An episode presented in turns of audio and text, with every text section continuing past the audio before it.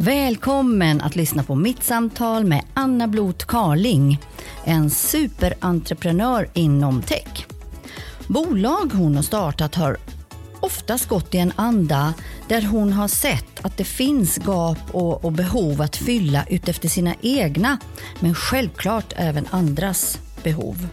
Att hon går sin egen väg, det är också som en röd tråd i, genom hela hennes entreprenörskap.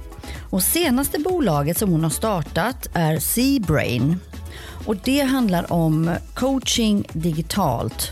Superspännande samtal. Så det och mycket mer kommer du att få höra om här. Så luta dig tillbaka, njut och jag hoppas att du får en trevlig stund. Välkommen hit Anna Blot Karling.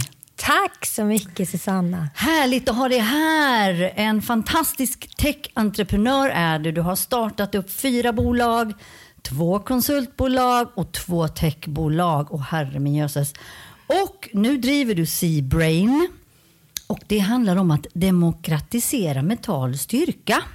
Det stämmer. Och det kommer vi ju prata lite om framåt. Du har även varit nominerad till olika utmärkelser inom tech och bland annat Black Box Female Edition och även varit en del av Googles satsning för entreprenörer. Välkommen hit! Tack, tack, tack. Hur mår du? Är det bra? Det är jättebra. Eh, solen skiner, det är sommar igen. Så härligt. Det är 20 ja. grader idag den 30 eh, augusti. Det är fantastiskt. Ja, det tackar vi för kan jag säga. Det tackar vi, för. vi är inte redo för hösten. Nej. Nej. Du, Anna. Berätta lite va, uh, kort om din, om din uppväxt till att börja med också. Sen ska vi gå in på vad det var som ledde till att du faktiskt ändå är inne i den här fantastiska techbranschen. Men vem är Anna Blot Carling från början? Vem är hon från början? Nej, men jag tror att, eh, eller jag tror att, jag vet ju att eh, jag har alltid eh, gillat människor. Eh, jag har en pappa som är läkare som alltid har velat hjälpa folk eh, att må bra. Eh, och en mamma som är lärare som alltid har velat skapa insikt och resultat. Så jag är väl hybriden av, av det där, skulle jag säga. Någonstans mitt emellan där landade jag. Ja. Eh, vilja skapa förändring, vilja skapa resultat och samtidigt se till att människor mår bra på vägen. Precis. För att eh, vara läkare och vara lärare, det handlar ju i allra högsta grad om människan. Mm. Och det är ju precis det du håller på med nu, mental styrka bland annat. Då. Men vi ska återkomma till det. Um, och du började ju jobba och vilja tjäna dina egna pengar fort som blixten. Du var ju väldigt driven redan som ung. Ja, men det var jag. Ehm, jag tog mig igenom universitetet raskt, så fort jag kunde.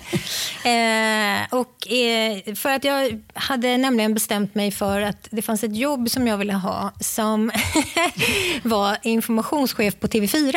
Just det, ehm, väldigt roligt. Och det här bestämde jag mig för redan på gymnasiet. Så tänkte jag, det där verkar vara ett bra jobb eh, som verkar kul och som skulle passa mig. Um, Varför just det jobbet då, tror ja, du? Ja, men jag, jag försökte fundera på det. Jag tror att det var att det handlade dels om att TV4 då låg liksom i framkant och det var lite nya media och det handlade om kommunikation. och jag ville ju ha så här informationskommunikationschefsrollen för att jag tyckte det var spännande. De drev mycket förändring i branschen och det handlade mycket om att kommunicera för folk att hänga med. Och mm. Så uppfattade jag det. Och det här med nyhet och jag tyckte det var kul. Ja. Så det jag... var ändå det som var liksom missionen för dig att få det jobbet? Ja, men när jag pluggade var det det. Alltså verkligen, eh, redan från gymnasiet. Så jag flyttade till Lund eh, och pluggade medie och kommunikation och beteendevetenskap. Eh, och så var vi några stycken som startade en tv-kanal där nere så jag fick träna också på att vara informationschef.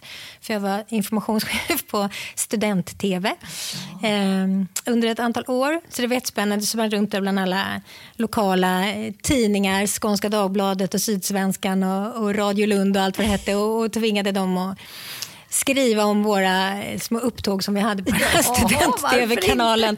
Ja, men exakt. Så det var ganska roligt. Sen när jag tog examen eh, och flyttade till Stockholm så märkte jag att det satt en superkompetent människa på mitt jobb. så då fick jag ju tänka om.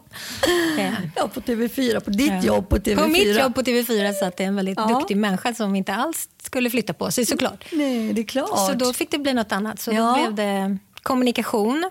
Började med PR och så blev det en resa inom kommunikationsbranschen.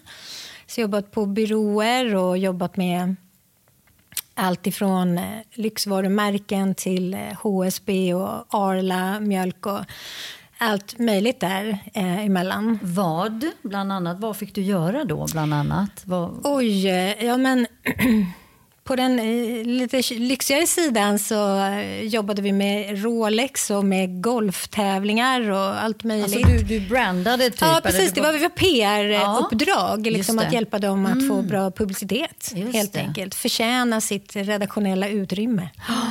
Spännande. Eh, så det var jättekul och vi jobbade med Louis Vuitton när de kom till Sverige. Då var det också så här eh, konsument-PR.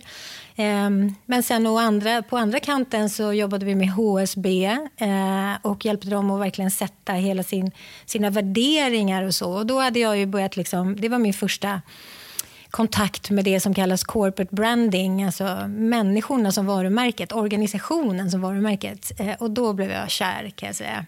Okej, okay. kan du berätta kort, vad är den stora skillnaden då mellan Uh, det första delen mm. som du jobbade med och sedan uh, den andra delen med just människan?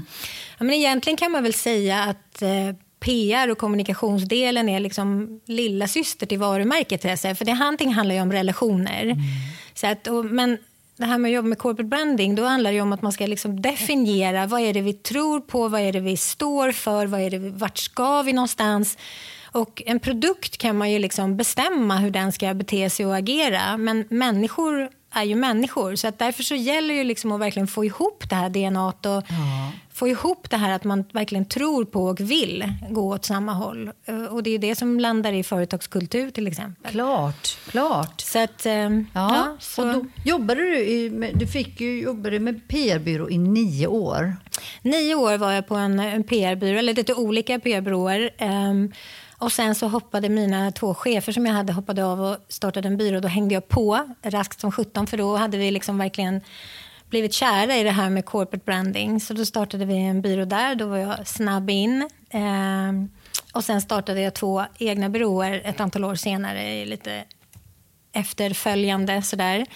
Eh, gick vidare och, och, körde själv och kände att jag behövde stå på egna ben och ta det jag hade lärt mig. Och startade nätverksbyråer inom corporate branding.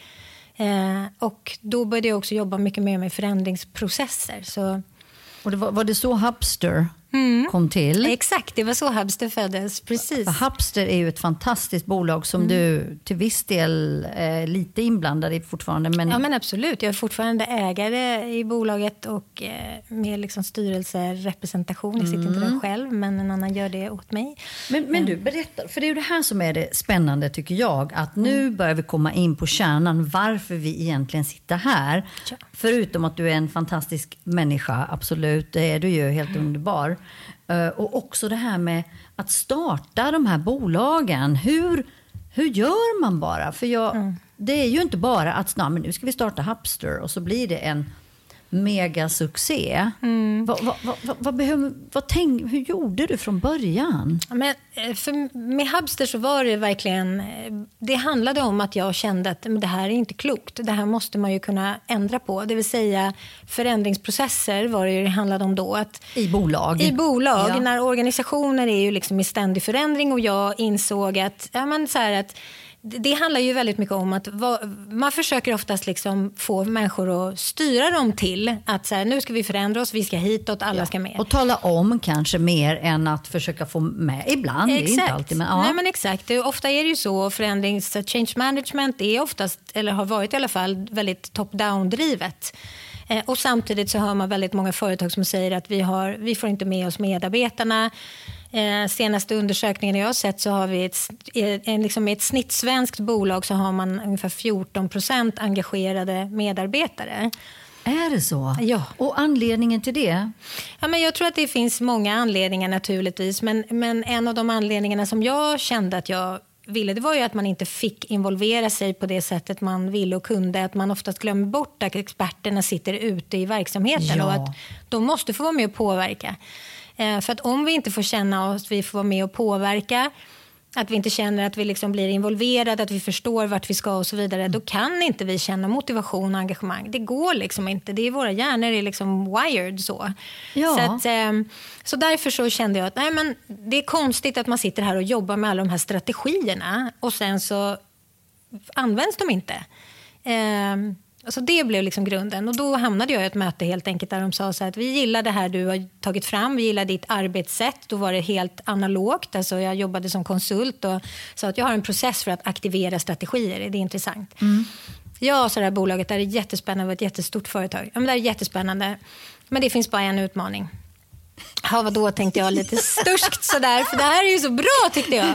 Ja! De bara, nej men vet du att vi är, vi är 20 000 medarbetare, så att, eh, kan du lösa det, sa de. Eh, och då tänkte jag bara att, äh, men nu, för då hade jag gått och liksom funderat på det här med att det måste gå att sätta rullskridskor på processer. Man kan digitalisera andra processer. Varför skulle man inte kunna digitalisera sund förändring? Liksom medarbetardriven förändring. Det är klart man kan digitalisera det, tänkte jag. Alltså det är så häftigt. Ja. Ja, så att då gick jag upp för Nybrogatan och sen ringde jag några jag kände ju inga utvecklare för jag kommer verkligen inte från tech. Jag är superanalog egentligen.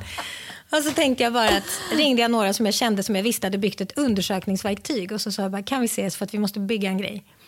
Eh, och där började det. Och vi utvecklade liksom helt som man inte alls gör egentligen i techbolag. Och jag ritade på tavlan och bara sa kan ni lösa det bakåt och sådär. Så det var en ganska konstig roadmap.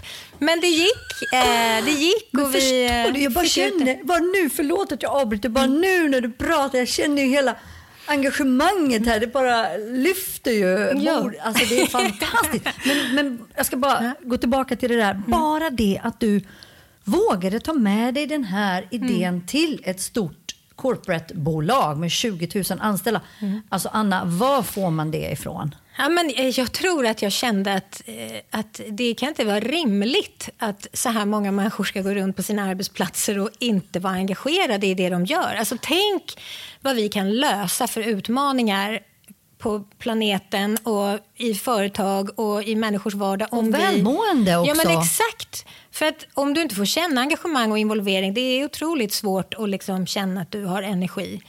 Så är det. Eh, Så, Så, eh, vet du, jag tror så här, och rätta, rätta mig om jag har fel, men att din starka tro på den här eh, lösningen eller det här eh, ja, problemet, det blev din drivkraft att du vågade för du visste så väl att det här är någonting jättebra. Ja, och sen också, jag stod liksom inte ut med, med motsatsen. Nej. Alltså tanken på att nu vet jag hur man gör. Liksom, och då, eller jag vet hur det kan funka när det funkar bra. Just det. Så då kände jag att man måste försöka att få ut det här Klart. till, eh, Men hur gick det då? När han ville att du skulle få ut det till 20 000? Ja, nej men exakt. Nej men så då började vi ju koda där och sen ringde de mig efter någon månad eller två, det var precis runt jul, och så sa de så här, är du klar? och jag hade ju aldrig utvecklat teknik förut så jag var ju så här att alltså det tar tydligen lite mer tid än en månad att bygga en sån här stor plattform. Eh, så att då blev det faktiskt att just det här bolaget blev, de köpte ett annat bolag och det blev liksom en helt, de organiserade om och så, här. så vi fick aldrig dem som första kund. Men åtta månader senare så föddes den här prototypen eh, och då fick vi apoteket som första stora kund och de var modiga och riktigt coola. Eh, Wow. och hade då precis liksom börjat inse att de behövde förändra sig och monopolet hade fallit och allt möjligt hade hänt. Så de behövde få 5 000 medarbetare och springa som 17 mot ett gemensamt mål. Men då Och knackade du på den dörren också? Ja, då eller? knackade jag på den dörren. Ja, det gjorde jag. Ja. Och så blev det. Ja, så det var häftigt. Så, Och det var alltså, då är detta redan Hubster vi pratar om, eller? ja, då hade det vi bildat, då hade vi skapat ett nytt bolag Ja. som hette Hubster, precis. Eh, som då hade den här produkten och, liksom, och sen utvecklade vi liksom flera versioner av den här plattformen, testade och liksom vi jobbade med tillsammans med jättefina bolag som Apoteket och Danske Bank och liksom kommuner och alla möjliga för att liksom förbättra, förbättra, förbättra. Eh, och sen lanserade vi liksom den skal, riktigt, riktigt så skalbara plattformen som finns på marknaden nu och så ska faktiskt det här bolaget gå på börsen här i höst. Så det är otroligt spännande. Alltså jag vet, men grattis måste jag ju bara säga till ja. allt det här. Det är ju helt otroligt. Men du, vad, vad, var det då? Det verkar ju som en succéstory. Det finns ju säkert massvis med motgångar ja. som också skedde på vägen ju. Men vad fick dig ändå att tänka lite, för du är ju sån som jag har förstått att du gillar att göra ordentligt och göra klart det du håller på med och så vidare väldigt djupt och noggrant. Men jag ser ju det också som någon som, även fast du är här, så är du redan många gånger där borta också. Mm, mm, mm. Så det gjorde väl också att du inte är operativ längre i Hubster? Nej men precis. Eh, nej men så är det ju. Och Hubster landade ju fint och hade liksom eh, duktig vd och bra styrelse och duktiga människor som jobbade i organisationen. Så där. Jag hade ju redan börjat... Eh, det var ju ett antal år verkligen som jag la all min kraft och kärlek på, på Hubster. Verkligen. Mm. Men sen landade Hubster på ett bra ställe och då blev det möjligt för mig att börja tänka på nästa steg. Eh, och det blev ju Seabrain då.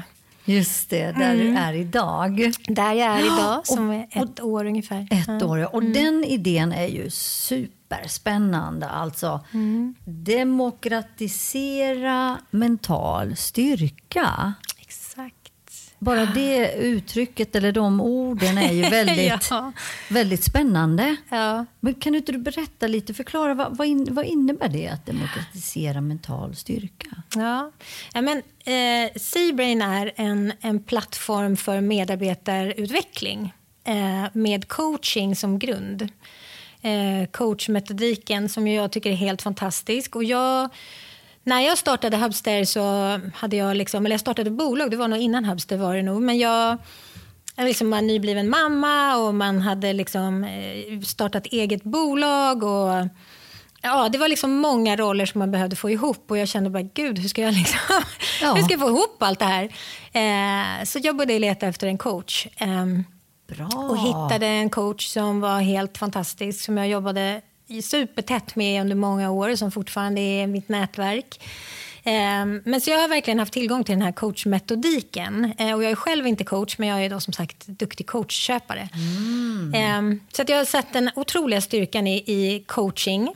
Ja. Ehm, men däremot så har jag tyckt att det har funnits ett antal saker som coaching har haft liksom, som man har kunnat utveckla med tekniken som hjälp. Ja, så som till exempel? Till exempel att det kan vara väldigt svårt att hitta rätt coach. Ja, till eh, rätt person. Ja, mm. precis. Eh, och för bolag då, vi är ju framförallt business to business i alla fall till en början nu med Seabrain. Eh, och Många bolag gör ju så att de liksom plockar på ett, dels att man oftast erbjuder coaching bara till chefer eller exekutiva roller. Det är de som får coaching. Och man oftast liksom plockar på, man kanske köper ett paket så här fyra, sex gånger för ja. x antal 10 000 kronor eller att man plockar på liksom coach Kalle, coach Karin brukar jag prata om för att vara lite anonym. Ja, sådär. Ja. Så kommer in i bolaget så ska alla liksom, som har möjlighet att träffa coachen få träffa samma coach. Eh, och så funkar ju inte riktigt vi människor. Vi är ju liksom inte på det sättet. Det är ju lite som att man ska bli kär eller få tillit. Liksom, alla ska bli det med samma människor. Vi är ju inte byggda så. Nej, nej. Så att därför så har vi utvecklat fantastiska... Jag har I mitt team så har jag Janne som är jätteduktig psykolog i botten och specialist på beteende analys och beteendeutveckling. Han har mm. lagt 35 år på att liksom systematisera hur hjärnan funkar. Så vi har utvecklat eh, coola algoritmer som både då matchar beteendepsykologiskt, coach och klient. Så våra coacher gör beteendeanalys och våra klienter gör beteendeanalys. Och så ja, matchar vi... Innan det ens blir en, en, en, match, blir en match, om man nu ska kalla så. Nu så pratar alla... vi inte om Tinder, men... Nej, men exakt. Men det är lite, men Ja, det är lite samma drivkrafter. Mm. Men också då naturligtvis att vi kopplar på vad det är för någonting jag vill utvecklas inom som då medarbetare och vad coachen har för kunskaper om olika Exakt. områden. Men så matchar vi beteende psykologiskt, coach och klient med varandra så att vi får ett riktigt bra möte dem emellan. Så ja. att tillit uppstår snabbt och att man liksom kan börja utvecklas eh, i ett mycket högre tempo.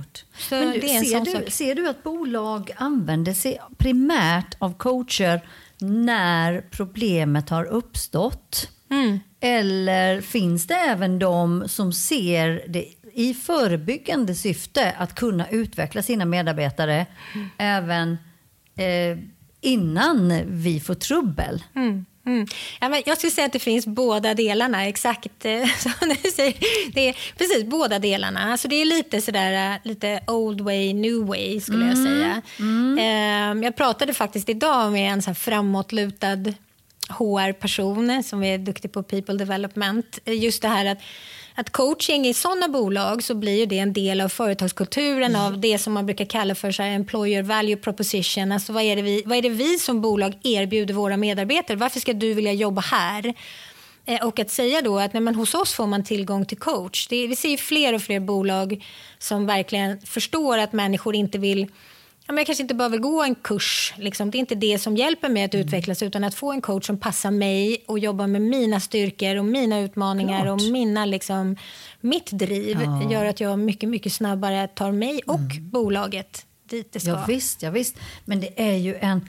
Alltså jag kan inte bara förstå hur du... Så du skulle egentligen kunna komma på en en annan idé. Det skulle kunna vara Och så kommer du och, och vaska fram ett gäng utvecklare och, och, och techpersoner och så kör ni ihop en, en bra app och så, så lanserar du det. Alltså det skulle du kunna, det verkar ju som att du Jo, men det skulle jag säkert kunna göra. Men jag tror att det är så här, grundbulten tror jag i att, att bygga ett bolag som man tror på. För det här var ju, du var ju lite inne och nafsade på det här också. Det, det är klart att det inte det är ju, entreprenörskap är ju verkligen långt ifrån en rak ja. linje. ja, men jag menar bara att du har en sån här förmåga att bara ja. lyckas att mm. göra det du mm. företar dig till. Det är så jag tänker. Ja, men absolut. Nej, men så är det definitivt. Men det tänkte just att, att liksom, det handlar nog mycket om också att, att faktiskt när, om man vill starta ett bolag, att någonstans utgå ifrån det som man verkligen ser och tror på och förstår. Liksom, mm. här, här har jag grepp. Mm. Liksom, jag ser vad som kan göras bättre, jag ser vad som kan förändras. Eh, för det, det tror jag gör att det också blir lättare att liksom känna det där behovet, att man själv har liksom upplevt behovet. Just det. Då, då blir det lättare att liksom starta ett bolag som man faktiskt tror på och kan hålla i och som faktiskt också kan lyckas för att man, man vet att det verkligen behövs. Liksom. Ja, men, men också så tänker jag så här, din styrka känns också som att det är att du, um, du kan, du vet vilka människor du ska ha omkring dig också. För det håller du ju med om att det är ju otroligt. För man gör ju inte, det är ju ingen enmansshow. Nej. Utan du behöver ha och hitta de här, både techpersonerna men även de här andra till exempel som du berättade om uh, din medarbetare här på Janne, på, Janne mm. på Seabrain. Mm. Eller kan det vara någon som ska sköta andra bitar. Det, det, det är ju superviktigt att hitta rätt person. Ja, men och det tror jag att jag har lärt mig på vägen. Liksom för att jag tror när jag först började så tänkte jag bara att ja, men, man, man drar igång och så är alla på liksom, och alla är lika engagerade och sådär. Och sen så märker man ju att det är, folk är ju olika. Ja. Eh, så är det ju. Så att jag har varit väldigt noga med att välja mitt team eh, den här gången och verkligen så här har ett, eh, plockat liksom på helt fantastiska människor. Så Janne vi pratat om och Jessica som är ansvarig för alla våra coacher och, och, min wingwoman som jag brukar kalla henne, eller och vi mm. kallar varandra. Hon är ju också en helt fantastisk eh, människa att, att driva och skapa förändring och så modig och framåtlutad. Och det här är hennes första bolag. Eh, hon har ju haft en, en, egen konsultlåda men nu är liksom hennes första techbolag som hon bygger.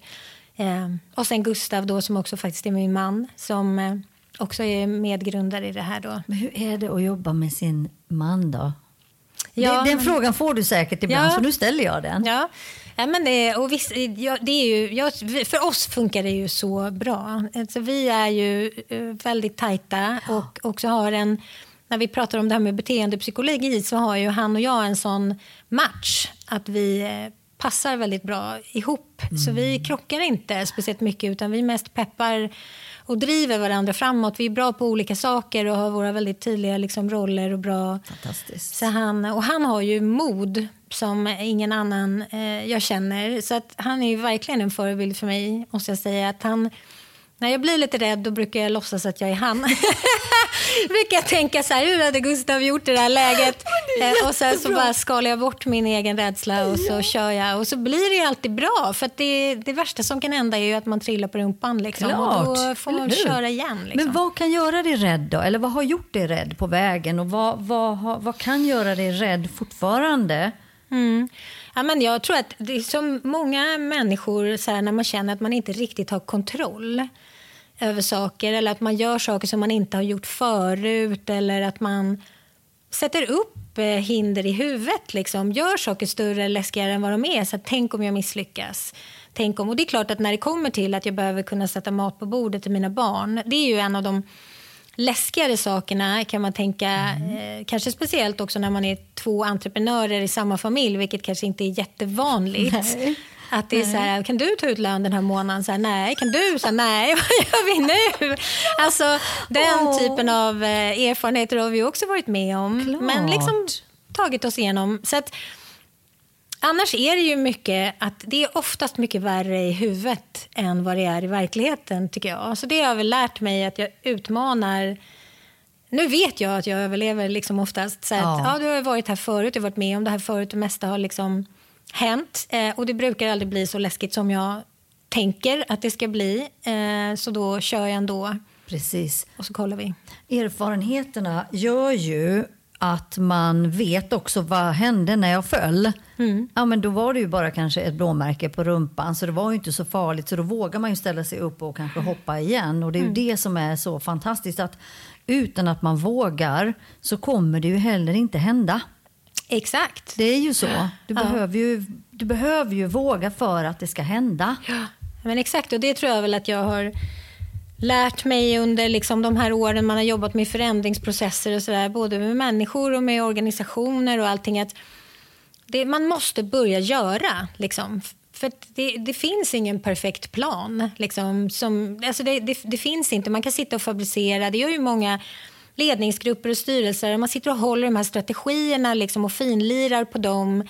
Men det är egentligen när man börjar använda saker, det är ju då man ser hur det funkar. Och Det är egentligen det som är strategin. tänker jag. Det är egentligen det som är vägen framåt. Att faktiskt börja göra och se mm. vad händer och sen kunna liksom Modifiera köra på, på vägen. vägen. Ja, och I ja. tech så pratar man ju mycket om det här med fail fast. Mm. Eh, vissa techbolag liksom firar ju till och med när de lägger ner en satsning för att de säger bra att vi lärde oss det här ganska fort så behöver vi inte fortsätta kuta på den återvändsgränden utan nu firar vi istället att vi har lärt oss och sen så kör vi vidare precis, på ett annat spår. Precis. Men du, vad är då, vad är tankarna framåt nu för din del om några år? Vad, vad, vad liksom, ser du dig då eller er eller vad, hur ser planen ut? Ja, men under ganska många år framåt nu så ser jag mig på Seabrain eh, och att bygga det bolaget. För jag känner att vi har ett jätteviktigt uppdrag. Eh, jag, jag liksom tänker att just det här med om vi kan liksom hitta plats, skapa en plattform och liksom verktyg och metoder för att stötta människor att må bättre och vilja mer och våga mer och liksom förstå sig själva. Så här, styrkor, svagheter och hur kan jag växa, vad behöver jag för att må bra och hur kan jag bidra. Då har vi gjort något riktigt, riktigt bra. Mm. Så att, eh, det blir Seabrain ett bra tag till. Klart, ja. du, du är bara ett år gammalt nu. Så, ja, exakt. Så. Det är fortfarande en, en bebis med... Men det, det händer mycket, så det är väldigt kul. Men, och sen får man se. Men jag tror att just det här att, att det han, kommer nog fortsätta handla om att göra bra... Försöka hitta sätt att bidra med det jag kan till många. Eh, och där har jag liksom lärt mig att där är ju tech väldigt bra för att det går att skala och det går att bygga plattformar som man liksom kan ge många tillgång till saker som förut kanske har varit bara för få. Ja, sant. sant. Mm. Men du, om du skulle vilja skicka med lite tips och tricks då, några stycken tankar, funderingar till våra lyssnare här som har blivit inspirerade och tänker jag kan också. Mm. Va, finns det några små saker att ändå liksom som du skulle vilja skicka med som att kan vara bra att tänka på eller ja, om mm. de vill så kan de ta till det. Ja, men dels skulle jag nog säga så här, att, att hitta sig sitt, sitt lilla SWAT-team. Eh, alltså så här, vilka, vad är, vilka är människorna runt omkring dig som, som liksom stöttar dig eller som du kan prata med eller så. Eh, och det kan vara i mitt fall vara en coach men jag har också mycket fantastiska vänner som liksom har hjälpt till och peppat och bollat och utmanat. Mm. Eh, men att man ändå känner sig liksom hållen på vägen. Så det tycker jag kan ingå en massör i det där också. Ja, ja, ja, Man kan eh, bara släppa på spänningarna ibland. Nej, så det tänker jag, ett svårt team och sen tänker jag förebilder. Alltså lite så här, eh, någon som, ja, men som ligger liksom före en. Att man inte bara tar stöd i liksom människor som är lika eller liksom runt en utan att man liksom tar någon som är en riktig modig rackare eller liksom någon som verkligen drar en framåt. Mm. Eh, det tror jag är jättebra. Mm. Eh, för att man tvingas liksom ur sin comfort zone på något sätt och det krävs liksom för att man ska kunna våga lyckas. göra nytt. Ja, och lyckas också tror jag. Mm. För att göra är ju en sak, men lyckas mm. är ju en annan. Ja. Det är ju inte bara att tro att man ska lyckas, utan det krävs ju jättehårt jobb. Ja. Men en sak som du har alltid, som, ja, som vi pratade tidigare, det här med, med vad som driver dig också, det är ju din, um, din sanning på att det här är så bra. Mm. Idén ja. måste ju vara klockren för mig mm. om jag ska ens kunna tänka mig att göra någonting, av den. Stämmer det? Ja, men absolut. Jag tror att man behöver verkligen känna den här liksom brinnet. Eh, det är det som är så häftigt med entreprenörskap tycker jag. För att man, man liksom, allt är möjligt. Eh, och man, man styr själv, man påverkar själv och liksom, det blir ju den här att det är uppåt, framåt. Sen har man ju ansvar själv också såklart. Men, men det är väl en sån sak som har varit en av de största insikterna som jag har fått om mig själv under den här resan. Att jag alltid liksom jag är ganska så här, inkännande, jag drar åt mig människors eh, energier. kan jag göra. Liksom, om det är dåligt så känner jag det. och eh, sådär. Mm. Men det jag har lärt mig liksom nu det är att jag är egentligen också mycket tuffare än vad jag trodde. Alltså mycket starkare kanske jag ska säga. Mm. Att jag har satt mig på rumpan ganska rejält många gånger eh, och fällt ett antal tårar och besvikelser och, och, allt möjligt som man har varit med om. Det inte blir som man vill. Alltså, vi är ju fåfänga, vi vill ju tro att vi kan kontrollera det mesta. Mm. Och så kan man inte det, för det blir som det blir ibland och så blir det inte riktigt som man har tänkt sig mm. eh, och ibland gör det ont som 17. Men det jag har märkt då är att jag ställer mig upp mycket, mycket snabbare än vad jag trodde att jag skulle göra. Så att jag, jag liksom blir ledsen eller jag liksom frustrar och, och, klagar en smula och sen reser jag mig fort och då är det liksom ganska bortblåst. Ja. Eh, Men mm. kan inte det ha med eh, våra små eller stora success stories som också har kommit med på vägen eller på köpet. Eh, på köpet kommer ju ingenting för det är fortfarande hårt jobb som vi sa. Men mm. för även i mellanfallen så lyckas man ju någonstans. Och det, mm. det, har jag i alla fall känt personligen att det ger mig styrkor vartefter. Att när jag har klarat det där som jag kanske inte trodde att jag skulle göra. Mm. Men det ger en sån otrolig tillfredsställelse. Mm. Så att då vågar man och då kanske man faller ändå. Men, men det är inte lika farligt att falla för jag lyckades ju ändå med det där. Absolut. Det är jätteklokt tycker jag. Jätterätt. Absolut. Och, och jag tror också så att, att man, man liksom... Det, det handlar ju också mycket om att man... Att man det, oftast när det inte riktigt blir som man har tänkt sig så blir det... Och det kan liksom vara så här, men gud, nu, det här gick ju jättedåligt. Eller hur man kan tänka. Men sen blir det liksom alltid lite bättre ja, ändå, ändå, på något konstigt sätt. Ja. Alltså, det är märkligt. Liksom, ja. som att Ja, det blev inte alls vad jag hade tänkt mig och det gjorde jätteont. Men sen, jaha, okej. Okay. Då blev det så här. Sig, det här var bättre. Med, ja, mm. och så man tar med sig alltid någonting ifrån mm. sina misstag eller misslyckanden. Mm. Och Det tror jag är en jätteviktig komponent om man ska lyckas ta sig vidare till nästa steg. Att du måste ta med dig vad du kanske gjorde mindre bra och hur du ska tänka framåt. Så är det ju. Det är ju jätteviktigt. Så därför måste vi ju falla ibland för att, för att lära oss. Mm. Ja, men exakt. Så, det är, så jag tror att det är mitt, mitt tredje tips, om man tänker SWAT-team och så tänker man förebilder och verkligen tar rygg på dem som liksom vågar mer och gör mer och är liksom drivna. Eh, så tänker jag att det tredje tipset är att, att börja göra. För ibland, liksom, man vet inte. Alltså, så här, och, och jag säger så här, men hej, jag heter Anna och jag tänker demokratisera mental styrka. ja. det, är inte ett, liksom, det är inte en grej jag ska göra då utan det är ju massor med små saker. Ja, eh, så att jag tänker att börja verkligen göra det lilla, bara ta något litet steg. Eh, och att försöka vara så konkret som möjligt i de här små stegen. För rätt vad det är så har man liksom en lista på 20 grejer framför sig som man har gjort. Och så kan man tänka sig, men gud, jag är ju på väg. Mm. Nu är jag på väg. Liksom. Och det kanske bara började med att det stod ring ett samtal eller skriv ett papper eller skaffa en mailfot eller vad det nu än är. Ja. Det behöver inte vara stora grejer, men de adderar till varandra och rätt vad det är så har det hänt mycket och man har gjort något liksom större totalt sett. Ja, visst, ja, visst.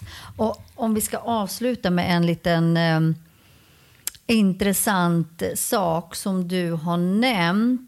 Och det var ju bland annat Do good, take no shit. Just det.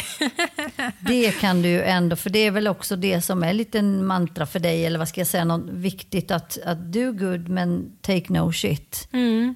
Berätta lite hur du tänker kring det. Ja, men det är ett, eh, någonting som jag har pratat mycket med min dotter om. Eh, just det här med att, att vara schysst. De allra flesta människor är ju snälla liksom, och vill väl och vill hjälpa en på vägen och sådär. Men också att man inte kanske behöver samla på sånt som... Man behöver inte samla på människor som drar en bakåt eller som inte vill en väl eller så. Eh, så det är också där eh, har vi pratat mycket om att ja, man vill göra bra. Min insats är alltid att göra bra grejer och vara schysst och försöka tänka liksom hur, hur jag kan ja. hjälpa den här människan eller hur jag kan liksom tänka framåt eller göra det bättre för många. Men att inte heller liksom ta, ta för mycket skit på vägen. Nej, nej, nej. nej. Men att vara nära sig i mm. det man vill göra och det mm. innebär också att göra det med genuinitet och ärlighet och schyssthet. Ja, och vara schysst mot sig själv också ja. på vägen. Att det faktiskt är så här, okay, hur, man ställer inte upp på vad som helst kanske. Eller att inte... Precis, för det kan vara lätt när man är så där ivrig och man vill mycket och nu ska jag skapa och nu ska jag... Mm. Då är det lätt att man kanske säger ja, ja, ja, men man kanske inte mår bra i det. Precis. Så att, do good, take, take no, no shit. shit. Alltså den tycker jag är så bra. Ja. Och med den så tänker jag att vi um, har ju pratat på här och, och jag tycker jag har fått ut otroligt mycket spännande insikter och lärt mig vem du är mycket mer. Och eh, jag tycker du är ännu fantastiskare än vad jag, vad jag kände innan, vilket jag, du var väldigt fantastisk då också. Mm, och Anna, det har varit en ära att du har velat komma och prata med oss här på Next Recruits podd Passion for People. Tack Sanna. Det otroligt härligt att ha din smittande energi mitt emot. Det blir eh, väldigt lätt att prata med dig. Så tusen tack. Oh, tack så hemskt mycket och allt gott och lycka till nu Anna. Tack så mycket. Detsamma. Tack.